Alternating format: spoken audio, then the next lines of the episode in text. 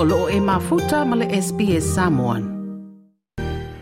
E to ase fulu tangata ua au se talia nei ona na maa le lemo talu mai le aso kerisimasi.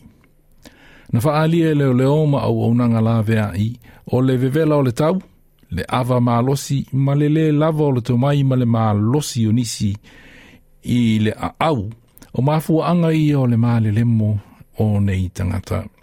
I wha maumaunga a le Royal Life Saving Australia e to ase fulma le ono tangata ua maali liu ona ua maali lemo i le tau maa whana le nei. To ase fulu mai le aso kirisimasi.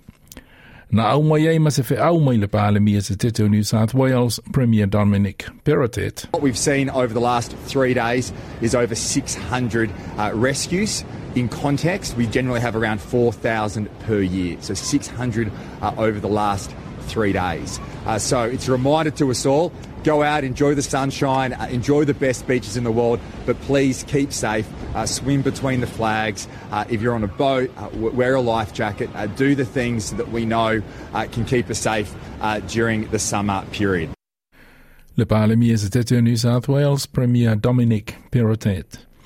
Na whaalia i tau mawhanawhana na te anei, e toa se lau wha se fulma le lima tangata na maari liu ina ua maa le lemo. O se fuainu mera maa walunga pe a whaatusa e isi tau maa whanawhana i le lua se fulu tau sanga ua tōna i.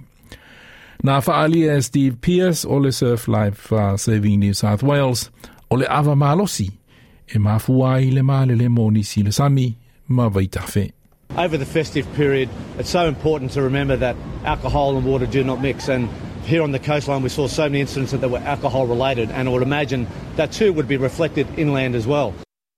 E lata i le lima se fulu pasene o tangata na maa le mo i le tau mawhana whana le nei, na maa le mo i vaitafe ma au vai, na si itia le maa walunga ona o le tetele o lolonga i maa sina ele i ma maa o atu nei. O le fe au mai le peresetene o le Surf Life Saving New South Wales, George Shales, a le le leilau a au. Pe fesilingia lo malosi ma mai e te au i se au vai, se vai tafe, po ole sami, e sili pe a aua e te tofu i le vai.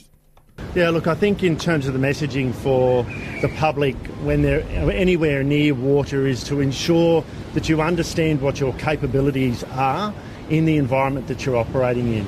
If you're not sure about the environment that you're in, then don't go into that, that environment. Le peresetene o le Surf Life Saving New South Wales, George Shales. O le reporti na whaamāpōpoina e eh, Marcus Megalokonomos mō SBS News.